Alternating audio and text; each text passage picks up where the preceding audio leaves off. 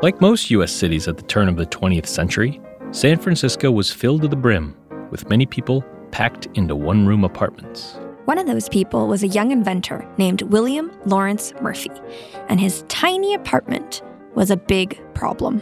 He had fallen madly in love with an opera singer and was desperate to court her. But the moral and legal codes of the time meant it would be improper to bring her into his bedroom. But his apartment was only a bedroom. And so, engineer that he was, Murphy wondered if he could somehow transform his bedroom into something else. What if he could hide that bed somehow? Murphy attached the bed to a hinge inside his closet and pushed the mattress up, and the Murphy bed was born. By the 1920s and 30s, the Murphy bed had become a status symbol that developers used to attract residents. It soon spread like wildfire across America, in real life and on screen. The bookcase by day is a bed by night. From the Marx Brothers to Mickey Mouse to Bob Hope, the Murphy bed became a comedic sidekick. Always misfunctioning That's a nervous bed. It works by itself. and trapping people inside of them. Not even James Bond was safe. We've had some interesting times together, Ling. I'll be sorry to go. The Murphy bed's popularity waned after World War II as people left cities for the green lawns and spacious homes of the suburbs. But today, cities around America once again find themselves packed to the brim. So, can we update the Murphy bed for the 21st century? Here we are in front of the Ori Square, which is the Ori interface. Yep. Oh, here comes the bed. And it's not going to squish us No, into no, the no. wall. and there's, there's of course, you know, safety sensors. So Yes. if it senses force, will basically stop. That's the CEO of Ori, Hasier Larrea. The Ori Studio Suite is a new kind of Murphy bed. With the push of a button or a simple voice command, it can just disappear. A Murphy bed is easy to transform, but it's not effortless. Meaning, when you need to transform a Murphy bed, you have to take out the pillows. And now you have to make the bed. Mm-hmm. Now you have to put some straps so that the linens don't fall. Right. And that's why robotics are important because that's what gives you that effortless experience. And that gives you that feeling of finally a space adapting to us hmm. instead of us adapting to space, which is how it's been for centuries. So, this is a robot bed. Yeah, but it's not just a robot bed. It's also a partition unit and a closet, and you can push it up against the wall to create this much bigger living room. Or you can move it into the middle of the studio, and then you've transformed one room into two rooms. You actually have two offices, a full walk-in closet, a bed, and an entertainment area, all in one piece. So it's like a Swiss Army knife. Did you bring one back to New York for me? Well, uh, right now, Ori is mostly marketing the studio suite to developers, but they have started working with IKEA on a more affordable consumer version. And Hasier thinks that if that takes off, it really could make a difference for people living in small spaces.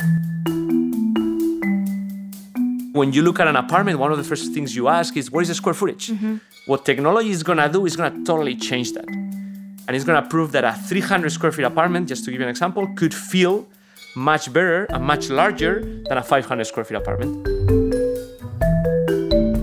This idea of making more with less could help address one of the most pressing challenges facing cities today.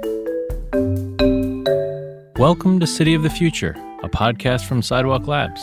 Each episode, we explore ideas and innovations that could transform our cities. We're your hosts. I'm Vanessa Quirk. And I'm Eric Jaffe. In this episode, we're talking about ideas that will not only improve the physical spaces we live in, but the way we live in them. Affordability by design.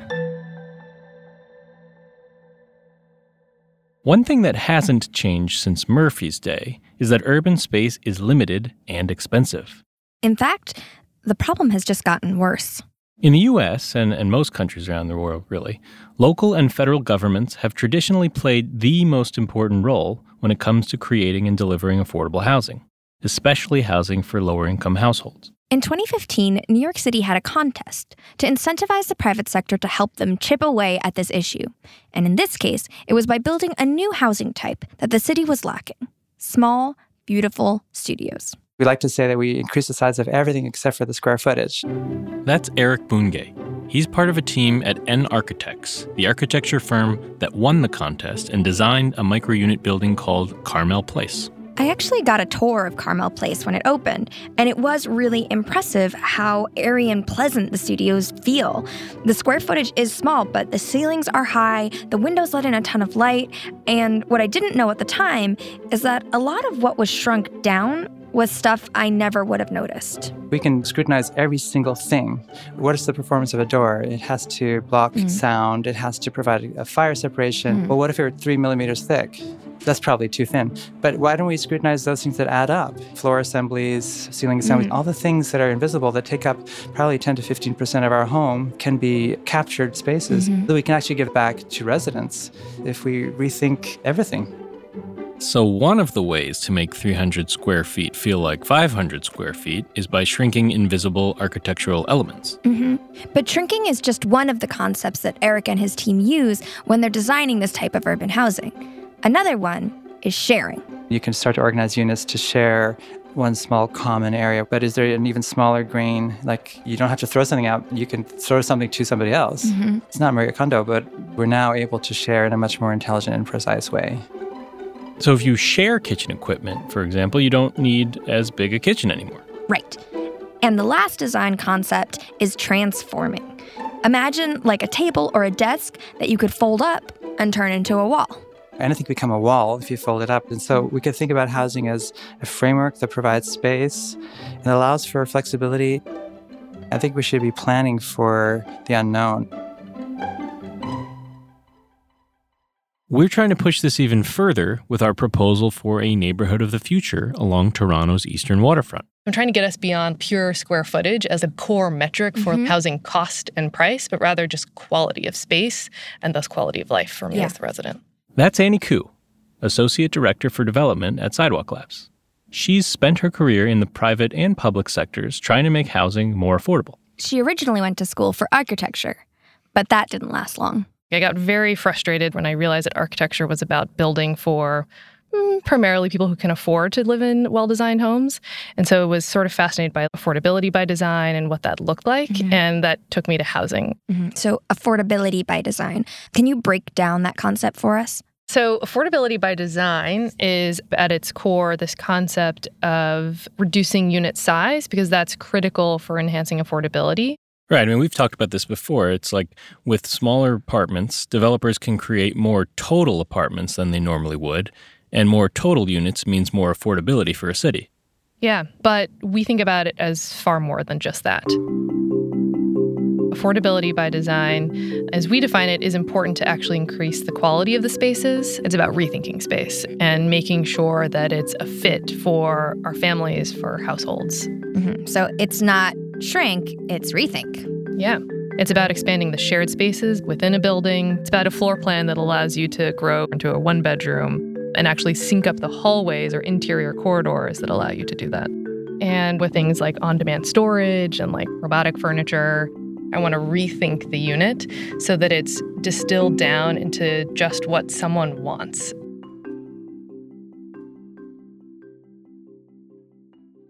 Okay, so it sounds like affordability by design isn't just one thing. It's a lot of different things that together will make a smaller unit feel like a more comfortable home. So let's talk through some of the, the ones you just mentioned in more detail. And let's start with flexible furniture. Yeah, sure. So say I'm Annie and all I care about is Say. sorry. Let's just say Imagine you're Annie.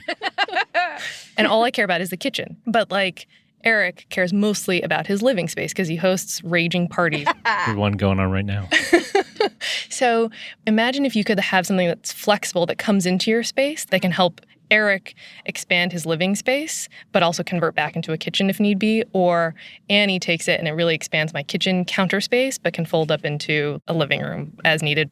You also mentioned something that goes beyond furniture. You mentioned flexible floor plans. Yeah. It could be like, how do you create future proofed floor plans that allow you to use flexible walls to grow or shrink units? So, the flexible walls are a super cool idea that we will return to in a future episode. But the bottom line for housing is that these walls would allow your apartment to evolve and fit your needs. Often families move out to the suburbs, move elsewhere to seek more space. But if you're able to grow or shrink your unit on demand, would you be more likely to stay in the city for the life of your home and your family? Another thing you mentioned is this idea of on demand storage. Yes, we are imagining this housing model where you can have offsite on demand storage. Can you store some of the things that you don't use on a day to day basis in a cheaper square footage further offsite? Such as all my party equipment. exactly. The DJ turntables. yeah, that are being used right now, apparently. but, but wait, offsite storage, like what does this mean? No closets? My vision is actually could the offsite storage be delivered directly to your closet at any given oh. time? But how do you get it instantly? This sounds like magic. Robots. Oh, the delivery robots! yeah. Season one, episode four. So I could store all of my special cooking gear most of the year and then have a delivery robot just instantly bring it to me when I have a big holiday party. Yeah. We also think that sharing certain amenity spaces like a kitchen or a dining space that lets you truly have that massive dinner party that you want without mm. reserving that only in your space and used once a quarter or once a year is something that folks would want to sign up for. Or a guest room. Or guest room. I think that's one of the most important ones, actually. It's a way to both right size housing units so you live in what you need and what you actually want versus buying that extra two bedroom simply because every mm. Christmas or holiday season my family might come in and visit. And that's just not the most efficient use of space. I think today, in many ways, you have to overbuy or over rent space in order to afford choice. But with affordability by design, you're able to say, I want that extra kitchen in a shared space, but I don't necessarily have to pay for it in my personal unit. And so it affords you more choice in that way. I'm just not sure how many Americans will go for sharing a kitchen. I mean, I think of a lot of Americans, they would take the private space over the shared space every time. Well, not necessarily. Co living is a shared living experience that's focused on convenience, great spaces, and a really strong sense of community. We didn't really have to focus that much on furniture, looking for different uh, roommates, and even just what to do in the neighborhoods. And they have this huge, beautiful rooftop where you can go all the time. We have Sunday night family dinner at WeLive, followed by Monday morning breakfast at, at WeWork. It never, it never ends. There are a whole host of co living companies that have sprung up over the last few years. There's Common, Ollie, Quarters, Outpost Club, Dwell, Tribe, Rumors, and that's Roomers, Node, and those are just the ones in New York. Well, I did not know that. Yeah. And this is sort of like great failure of my life, but like I did not predict co living. Annie studied abroad in Denmark, where she researched co housing, which is the inspiration for the phenomenon of co living. In Denmark, it was framed as maybe max 10 families, realizing that they wanted more communal living. And so they would build shared kitchens and eat dinner together every night. And so I was fascinated by this. And my whole thesis was about how, like, Americans will never take to co housing because it's so sort of fundamentally different from our vision of private housing mm. and what we believe to be true about the American dream. So that was what I wrote my whole thing about. Yeah, I mean, even just a few years ago, it would have been hard to believe it, but shared housing is a thing now. Well, co living didn't bring shared housing to the U.S. I mean, our cities have had SROs going back to the time of the Murphy bed. Yeah, SROs refers to single room occupancy, a worker style housing that was meant to house workers cheaply and efficiently so they could be close to their jobs. It wasn't quite equivalent with the tenements, but similar in that they were just unsanitary, unhealthy, people crowding into spaces. Considering that history, I'm surprised that co living developments are taking off right now. Mm, but they do have some key differences from SROs. To understand what co living is exactly, we decided to talk to someone who's making it happen. I actually grew up in communal housing. My dad and mom moved out from the East Coast in the 1960s to the heart of San Francisco, North Beach, right where we're sitting. That's John Dishotsky. These days, he's the CEO of Starcity, a development company bringing co living to San Francisco. A city, of course, that's having a particularly hard time with housing right now. People are commuting an hour or two outside of the city. They're fitting four people to a two bedroom by putting a wall up in the living room and calling that a room. Or they're paying 70% of their income towards rent in new construction studio apartments. And all of those are really crappy options. And so we really set out to build a brand at a price point that's a lot more reasonable than anything else that's on the market that's being built new today. Most Starcity developments are slightly below market rates. But an upcoming downtown development will include units as low as $800 a month. For comparison, the average cost for a studio in that area is over $2,500 a month. So, who's living in these? We have an airplane pilot, a teacher, baristas, bartenders. The age ranges between 20 and all the way up to 70, with the middle being that 30 to 40 year old range. John says that Starcity attracts two types of residents. One group is what they call the optimizers. For the optimizer, everything is always set up. What brings them in are the fully furnished units, the clean common spaces, the fast Wi Fi. In addition to that, they can order premium services like dog walking, room cleaning, wash and fold, dry cleaning, all that sort of stuff. The optimizer is really just looking to be taken care of. The other type of person living at Starcity is the communitarian. This is somebody who's like really excited about living with other people, really excited about feeling like there's a place that they belong. So maybe they previously felt socially isolated and now they're really looking for community. And which one are you, a communitarian or optimizer? Well, as I've gotten older, I've become a little bit of an optimizer because I would prefer to not to do the mundane things that have to do with housing and actually enjoy the culture, of the nightlife, the arts, and continue to build this company. Those regular household chores can sometimes get in the way of that. Okay, it sounds like Starcity is taking care of the optimizers, but are they delivering community for the communitarians? Well, we had John hook us up with one to find out. I had no idea anything like this existed, so it was all totally, totally brand new to me. Don is a 43 year old airline pilot who had lived in the suburbs for most of his life. After a divorce, he decided to move to San Francisco, which is where he discovered Starcity. Moving to a brand new city without knowing anybody, I realized I wanted roommates. And so that's how I found this place is I was looking on Craigslist for roommates. And then that's when I clicked on the website and got into a little bit more of the, the description. And that's what sold me as far as at least giving it a shot was it takes care of all the problems of having roommates and you just get all the benefits. So do you feel like you have a community now? Yeah, definitely. The people that I see on a real regular basis, yeah, we've definitely become good friends, enjoying the house together, you know, being able to come home from work and mm-hmm. just have a, a random game night or, you know, a random party night. It has definitely, I would say, even exceeded my expectations. Now that Starcity has had some success with these smaller communities, they're expanding, and they'll soon open up the largest co living development in the world in San Jose, California, an 18 story tall, 800 unit building. And John Dishotsky explained to me that the new building just doesn't fit into the city's existing zoning laws. We call it a vertical neighborhood. And so when we showed the city our plans, they're like, hmm, well, you could re entitle this project as a hotel you could re-entitle it as student housing. You could re-entitle it as a single room occupancy. And we were like, no, we don't like any of those. so, okay, but technically, what does make you different from an SRO? When we build a building, 65% of the space is private residential. 20% is communal, beautiful kitchens and living rooms and workspaces. And then the other 15% is circulation, right? So hallways and elevator space. In an SRO, you have 95% private residential space, tiny mm-hmm. hallways, and no communal areas.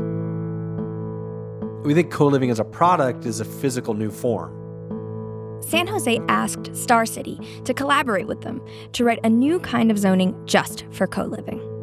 And we were like, okay, that sounds wonderful.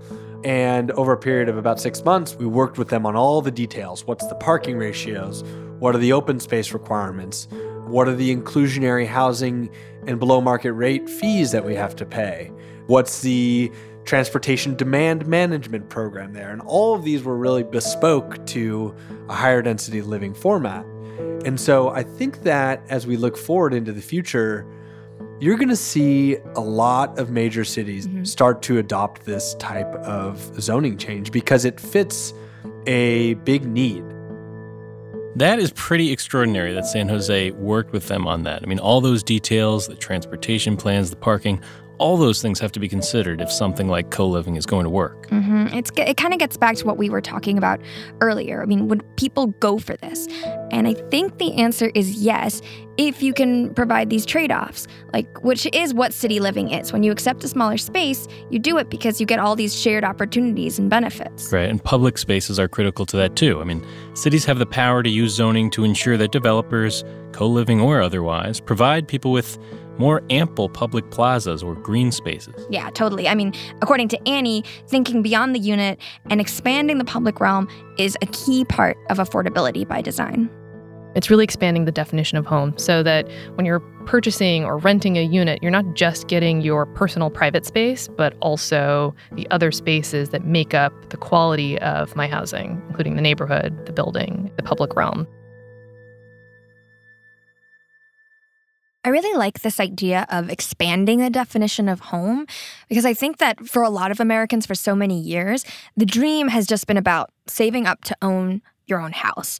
But that's not the only way to live. And as we've been talking about, there are a lot of different options that can fit people's needs. Right. But helping people to access that dream with the more traditional option that's just as important as creating new ones. Yeah, that, that is true. And in fact, Annie's been exploring a new way to give more people access to home ownership with sharing, believe it or not. Not sharing your stuff or your space, but sharing equity. On the spectrum of renting and owning, shared equity sits somewhere in the middle. The way we've been thinking about this is you kind of buy what you can and rent the rest. Mm-hmm. So that means it lowers your down payment and your all in monthly cost can be equivalent to like a typical full mortgage payment or a rental in the same size unit. Mm-hmm. And if it's equivalent, then what's the upside? Say I owned 20% of my unit and then I left, I would take the appreciation on my portion that I own. So you actually can build some equity, hence the shared equity term, and build a stake in sort of that wealth creation piece over time. But it's a stake that is fit to you, even if you can't afford that full total down payment. This is a whole other category of housing affordability tools for both consumers and developers that we've thought about a lot here at Sidewalk. One of the most important parts of delivering housing affordability is thinking through the funding and financials and policy options that make it possible. Housing is really complicated, there's an entire ecosystem of players who are participating in housing, ranging from governments who are critical to provide the funding, yeah. creating the zoning, down to the builders and construction companies, yeah. down to the architects and engineers thinking about the experience of housing for residents. And no one player in that whole ecosystem has mm-hmm. enough of a stake in the whole pie to single handedly create more affordability. So, in our project in Toronto, first and foremost, we said, what is available from government to support on an affordable housing program? But then we said, what could the private sector do to participate in delivering affordable housing? So, one of the things the private sector can do, we've already talked about, and that's affordability by design, which works by making more units in a given building. But we've explored another innovation that makes more buildings in a given time factory based construction. That is a huge lever to play. Kareem talked about this in our episode on mass timber from last season. If Kareem can crack the code on factory, that will be huge for affordable housing because accelerating the timeline for construction creates real value for developers. Mm. And a major reason that developers today keep building luxury condos is because it is the surest way for them to recover their costs. So, with factory based construction, developers can reliably complete more projects quicker. There's a couple ways this leads to more affordability instead of just more money for developers. First, government can say, we're going to raise the price of public land and we're going to take that extra money you're giving us and we're going to build more affordable housing. Or it can say, we're going to keep that price of land the same, but you have to build more affordable housing. And we know you can afford to do it because you've got that cheaper and faster method. The role of government can't be overlooked. Like, it is the role of the government to set requirements for a site and tax incentives or rebates and waivers to deliver more affordable housing because a mixed income community is what we're looking for as a city. It's a complicated ecosystem. Government funding, support from private developers, financial tools for renters, all these levers play a part. Yeah. Without all of these levers, you would get the same old communities that get built today, which is primarily luxury market rate condos. to achieve the level of choice that we envision for housing of the future, I deeply believe that we need to have and pull all of these different levers at once. So, if we can pull all the levers, if we can create all of these housing choices that really open up all these affordable options for all kinds of people, what would that look like? Yeah, we want to hear about Annie's housing of the future. okay, here's what would happen. I'd be applying on this like fantastic centralized application, and I could say uh, what I really care about is a kitchen. And so I get a unit, I add in this furniture that allows me to expand my kitchen, and then suddenly I want to grow up and I want to build equity. So then I opt into the shared equity model, and then suddenly my family happens to grow or my parents move in with me and like we pop out some walls and then my whole unit expands and I get rid of that extra big kitchen because then I just expand my kitchen. Mm. Actually, whew, the options are endless. And then I grow up and then I go into co living. It's just like choice would be what my building or neighborhood would look like.